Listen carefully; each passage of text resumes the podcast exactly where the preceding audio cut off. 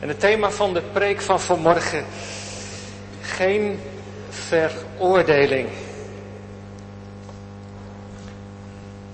Gemeente van de Jezus Christus, gasten, luisteraars. Jezus staat voor een onmogelijk dilemma. Hij moet de wet van God gehoorzamen en de vrouw laten stenigen. Of hij moet tegen de wet in kiezen voor het leven van deze vrouw. Zo'n onmogelijke keuze die Jezus voor zijn voeten geworpen krijgt. Het is nog maar vroeg in de morgen. Hij is op het tempelplein onderwijs aan het geven. En er komen zomaar schriftgeleerden en fariseeën naar hem toe. Ze hebben een vrouw bij zich op hete daad betrapt.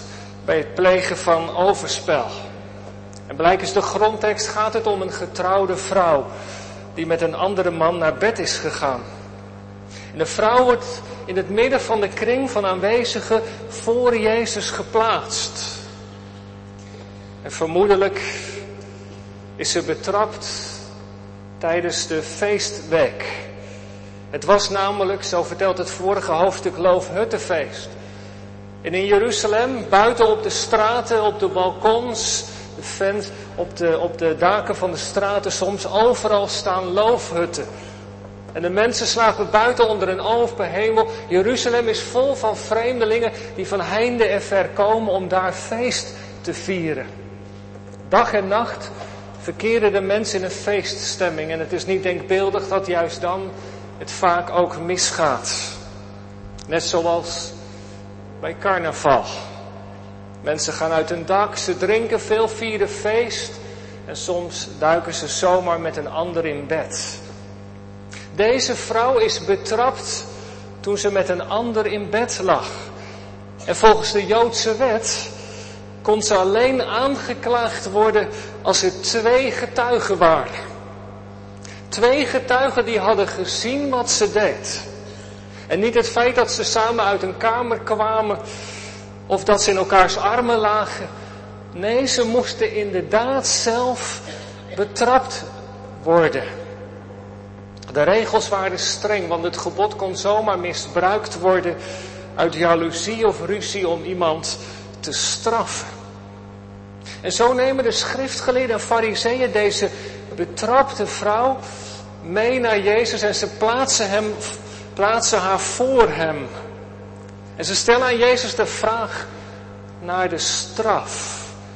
Dat ze schuldig staat is duidelijk, maar, maar wat voor straf gaat hij als rabbi aan deze vrouw geven? En ja, de wet van Mozes is duidelijk. Leviticus 20, Deuteronomium 22 spreken heldere taal. Overspel is een zwaar misdrijf. Als een man wordt betrapt met een vrouw of omgekeerd, dan moeten ze beide met stenen ter dood gebracht worden. En zo, zo plaatsen ze Jezus voor een vreselijk dilemma. Voor het oog van alle mensen die daar op het tempelplein naar hem zitten te luisteren, hebben ze hem schaakmat gezet. Eindelijk hebben ze hem te pakken. Aan de ene kant het leven van de vrouw en aan de andere kant de wet van Mozes. Nu kunnen ze hem eindelijk beschuldigen. Nu, nu zit hij in de val. Want als hij opkomt voor die vrouw en als hij haar vrij uit laat gaan, ja, dan is het duidelijk dat hij de wet van Mozes niet serieus neemt. Hij die had gezegd dat hij van God afkomstig was. Hij neemt de wet van Mozes niet serieus. En als hij aan de andere kant opkomt voor de wet van Mozes en zegt dat de vrouw gestenigd moet worden, ja, dan zullen alle andere woorden die hij gesproken had zomaar ter aarde vallen. Kom tot mij, allen die vermoeid en belast zijn. Ik zal je rust geven, had hij nog gezegd. Maar ja, als je dan komt met je zonde naar Jezus, dan loop je het risico om gestenigd te worden. Dan zul je sterven. Het is of het een of het ander. En de mensen, ze houden hun adem in. Het is een duivels dilemma waarin zij Jezus plaatsen. Als hij echt barmhartig is, dan kan hij het recht van God niet laten gelden. En als hij het recht van God wil laten gelden, dan is hij niet langer barmhartig. En de mensen om hem heen staan aan de grond genageld. Wat gaat hij zeggen? Ze houden hun adem in. Hun heil, hun leven, hun toekomst staat op het spel. Je proeft bij de aanklagers geen enkele liefde. Die vrouw is voor hen een geval. Mooie aanleiding om eindelijk die rabbi te pakken. En ze hebben de wet aan hun kant. En zo kan het soms gaan, hè. Godsdienstige mensen die zeer vroom zijn, kunnen soms zo hard zijn in een oordeel, zo liefdeloos. Ze hebben het recht aan hun kant, maar waar is de bewogenheid met de zondaar, de zondares? En als ze met hun vingers allemaal naar die vrouw wijzen, gaan ze zelf dan vrij uit? Misschien herken je er iets van vanmorgen. Pijn van de blikken van mensen of een vinger misschien wel. Dingen die anderen over je hebben gezegd. Het was niet goed wat je deed, maar toch. De vrouw, ze staat daar en ze zwijgt. En wat doet Jezus eigenlijk? Nou, twee dingen. Hij verontrust degene die denken onschuldig te zijn. Dat is het eerste punt. En het tweede, hij troost degene die schuldig is. Allereerst dit. De boodschap die Jezus brengt is een boodschap die verontrust de mensen die denken onschuldig te zijn. Want als ze daar dan staan, die aanklagers, de schriftgeleerden en de fariseeën, ze dan met hun vingers naar die vrouw wijzen, Jezus bukt zich. Hij bukt zich en schrijft met zijn vinger op de grond, vertelt Johannes. En die aanklagers die gaan maar door met vragen stellen. Maar Jezus zegt niks en hij, hij is geknield, zijn vinger in de grond. Misschien kent u het gedicht wel van Gerrit Achterberg met als titel over deze geschiedenis. En Jezus schreef in het zand. Het begint zo. Jezus schreef met zijn vinger in het zand. Hij bukte zich en schreef in het zand. Wij weten niet wat hij schreef. Hij was het zelf vergeten, verzonken in de woorden van zijn hand. De schriftgeleerden die hem aan de tand hadden gevoeld over een vrouw, van hete hartstochten naar een andere man bezeten, de schriftgeleerden stonden aan de kant. We weten niet wat Jezus heeft geschreven. Of hij woorden schreef of dat hij een tekening maakte. Het kan allebei, maar dat doet er eigenlijk niet zo toe. Maar wel, daar wil ik de vinger bij leggen, wel het feit dat hij in de grond schrijft. Want ik denk namelijk dat de Heer Jezus daarmee de schriftgeleerden in het bijzonder een waarschuwing gaf. Want er is één Bijbeltekst die daarover gaat en de schriftgeleerden die zullen hem zeker wel hebben gekend. Want het staat er niet voor niets. De schriftgeleerden en fariseeën. En in het hele Johannes-evangelie komt het woord schriftgeleerde maar één keer voor. Hier in deze geschiedenis en nergens anders bij Johannes. Als u uw Bijbel heeft, Jeremia 17. Ik denk dat dat van toepassing is op wat Jezus daar doet. Ik pak het er even bij. Als u het niet zo snel heeft, dan luistert u maar. Jeremia 17, vers 9. Dan lezen we dit. Arglistig is het hart boven alles. Het is ongeneeslijk. Wie zal het kennen? God natuurlijk van de, de mannen die die vrouw hadden aangeklaagd. Maar vooral vers 13. Daar lezen we dit. Heere, hoop van Israël, allen die u verlaten zullen beschaamd worden.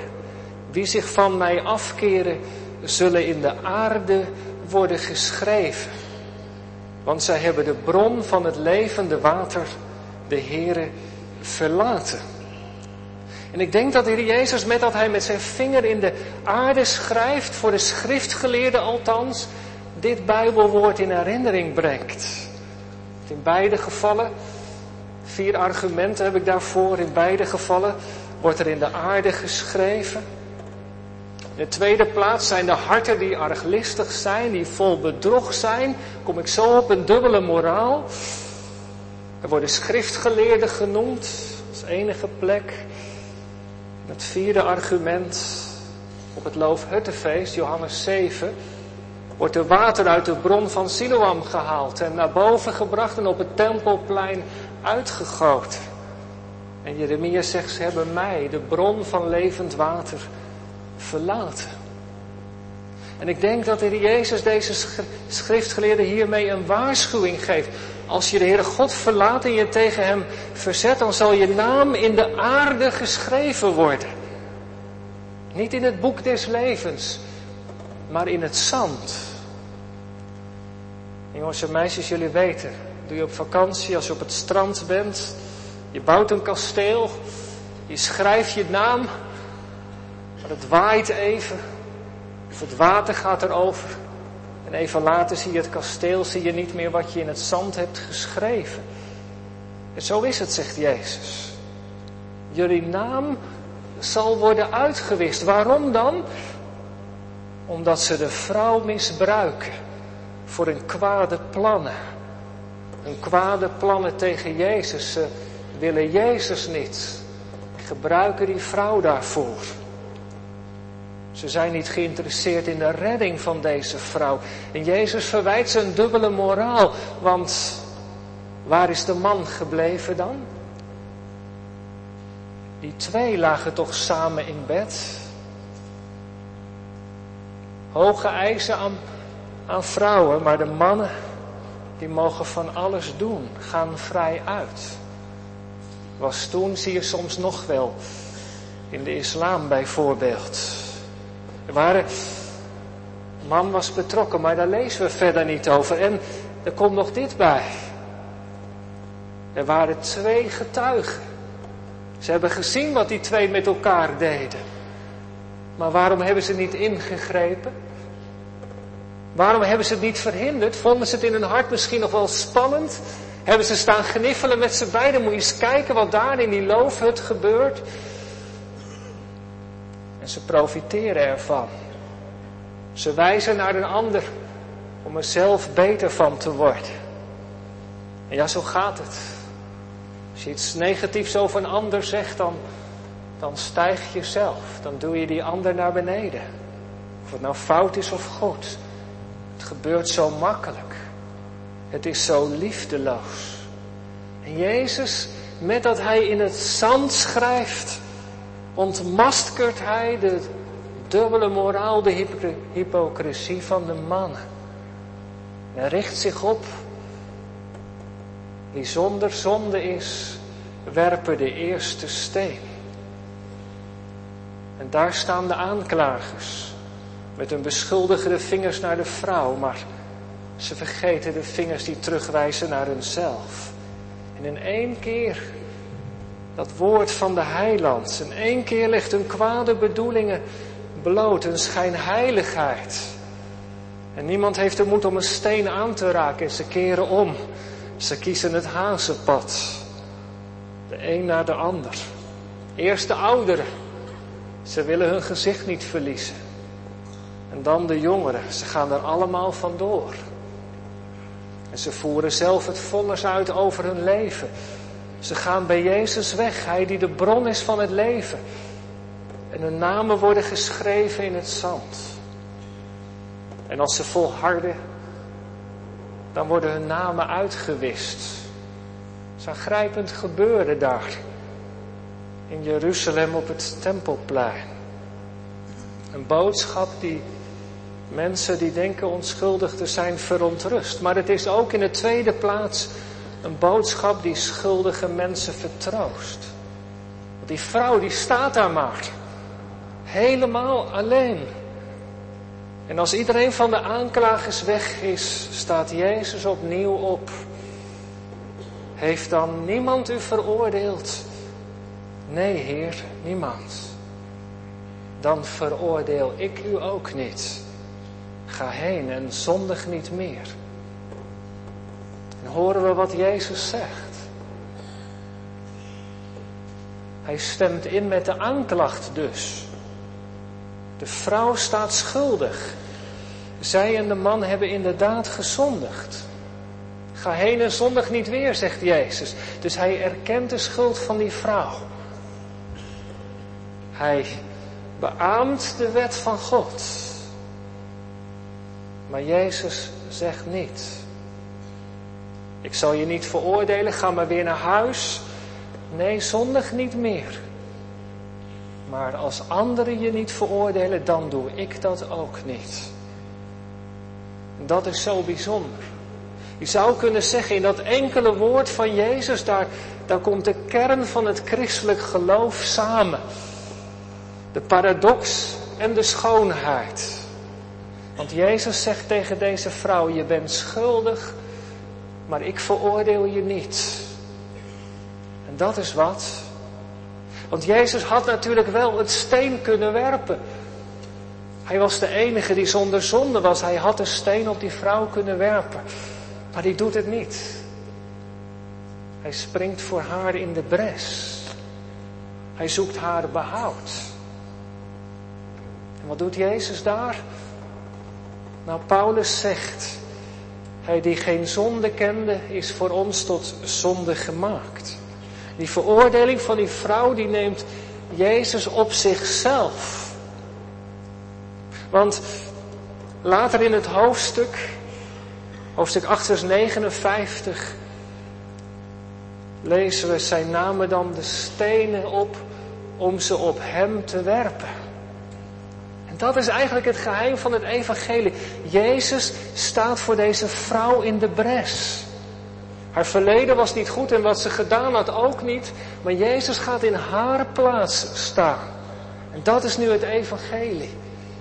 En als ze dat merkt, dan voelt ze de genade van Jezus, de liefde van God haar leven binnenstromen.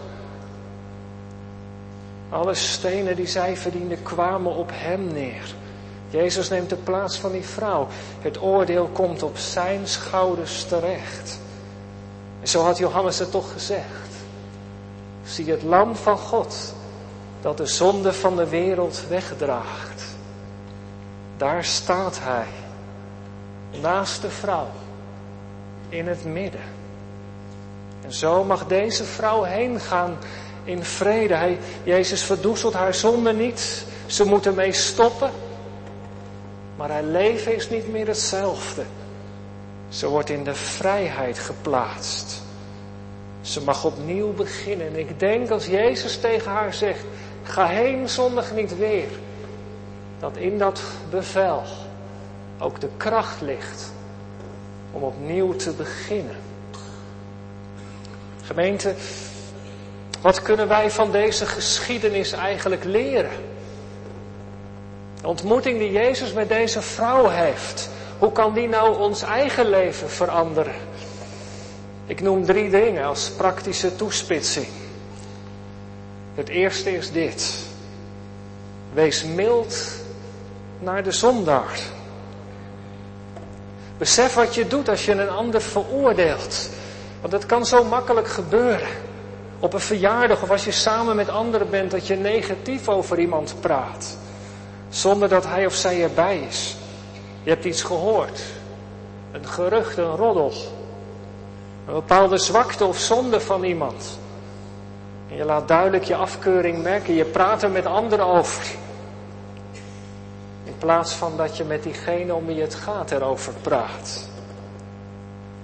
En apostel Jacobus die zegt zo mooi.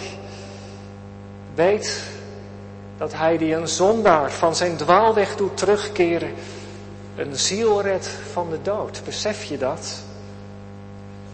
Wij mensen hebben zo vaak ons oordeel klaar. En dan gaan wij vrij uit. We staan altijd aan de goede kant, de vinger wijst naar die ander. Maar weten wij wat er speelt? Weten hoezeer die ander misschien wel met die zonde worstelt? Wat er allemaal al gepasseerd is in de relatie, in het huwelijk of met de seksualiteit. Het is zo gemakkelijk om te veroordelen. Het kostte die schriftgeleerden en fariseeën geen enkele moeite. Maar ze walsen over die persoon, over die vrouw heen. Ze maken het leven van mensen kapot. Laten we dat niet doen. gemeenschap gaat aan het veroordelen kapot. Maar als je iets hoort van iemand, houd het dan bij jezelf en breng het in gebed. Of zet die stap naar die ander toe. Want Jezus zegt, met de maat waarmee je een ander oordeelt, zul je zelf ook door God geoordeeld worden. Dat is het eerste, wees mild naar de zondaar. En het tweede, dat is ook duidelijk. Breek met de zonde. Wat moet je doen als je problemen hebt? Als je verkeerde en zondige keuzes in je leven hebt gemaakt. In je relatie of buiten je huwelijk. Als je worstelt met porno. Als je sjoemelt met geld. Of met welke zonde dan ook. Kom ermee voor de dag. Stop om jezelf te rechtvaardigen. Ook als je relatie door er kapot dreigt te gaan of al kapot gegaan is. Ga ermee naar Jezus toe. Vertel hem de volle waarheid. En niets is zo bevrijdend als dat. Het bloed van Jezus reinigt van alle zonde. Geen zonde te groot of te erg. Of er is vergeving voor. Maar je moet wel die stap zetten. Je moet wel in beweging komen. Naar hem toe. En die vrouw, ze was op heterdaad betrapt. Je zou kunnen zeggen dat de omstandigheden haar dwongen om naar Jezus te gaan. Ze kon het niet langer meer verbergen. Gelukkig maar. Gezegende ontdekking. Zo kon ze gered worden en bleef het oordeel van God haar bespaard. Want, want zo gaat het. Als je met je leven, met alles wat daarin speelt, met de zonde waarmee je worstelt, naar, naar Jezus toe gaat, mag je ook die woorden horen. Sta op. En ik veroordeel je ook niet. Want het oordeel is op de schouders van Hemzelf terechtgekomen. Dan zal Zijn genade je leven binnenkomen. Dan gaat Hij je van binnenuit vernieuwen. En, en vanmorgen zegt de Heer Jezus misschien wel tegen u of tegen jou. Kijk naar mij. Kom.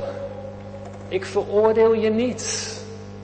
Want ik ben al voor jou veroordeeld. Al die stenen zijn op mij terechtgekomen. Want ik ben de weg van het kruis gegaan. Om jou die vrijheid en dat nieuwe leven te schenken. Sta op. Broeder, zuster, breek met de zonde. Maar je bent vrij. Ook ik veroordeel je niet. En de vrouw, ze bleef alleen met Jezus over. Dat is de beste plek. Kun je zomaar hebben als je in de kerk zit. Dat je niemand ziet dan Jezus alleen. En dan als laatste, derde punt.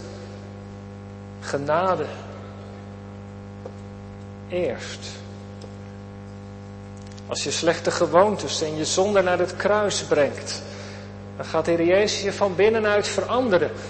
Maar let op de woorden die Hij spreekt. Hij zegt niet vanmorgen tegen ons, je moet stoppen met zondigen.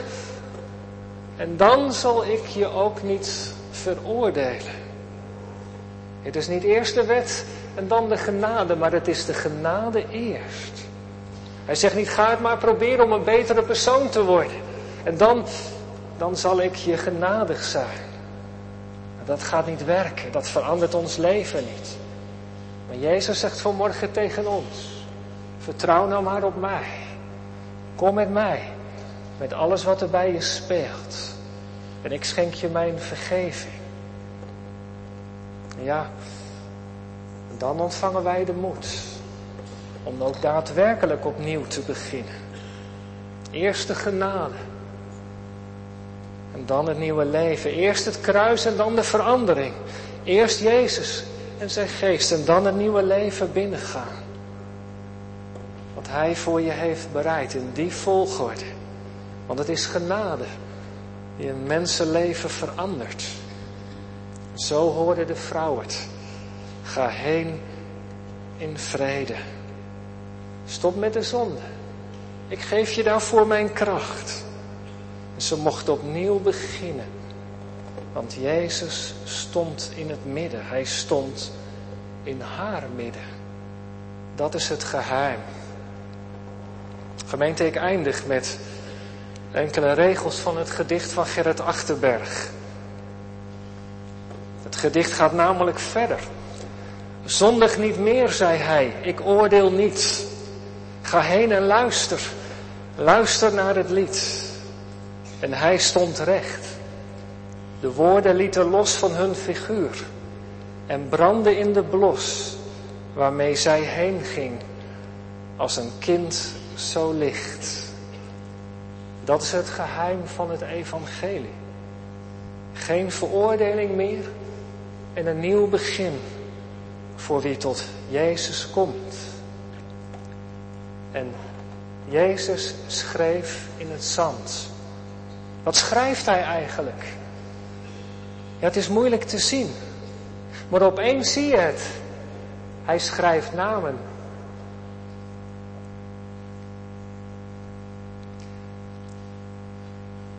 Jouw naam staat daar in het zand. En onder jouw naam heeft hij zijn eigen naam geschreven. Met een cirkel eromheen. Twee namen. Ze horen bij elkaar. Wat een wonder eigenlijk, vindt u niet? Amen.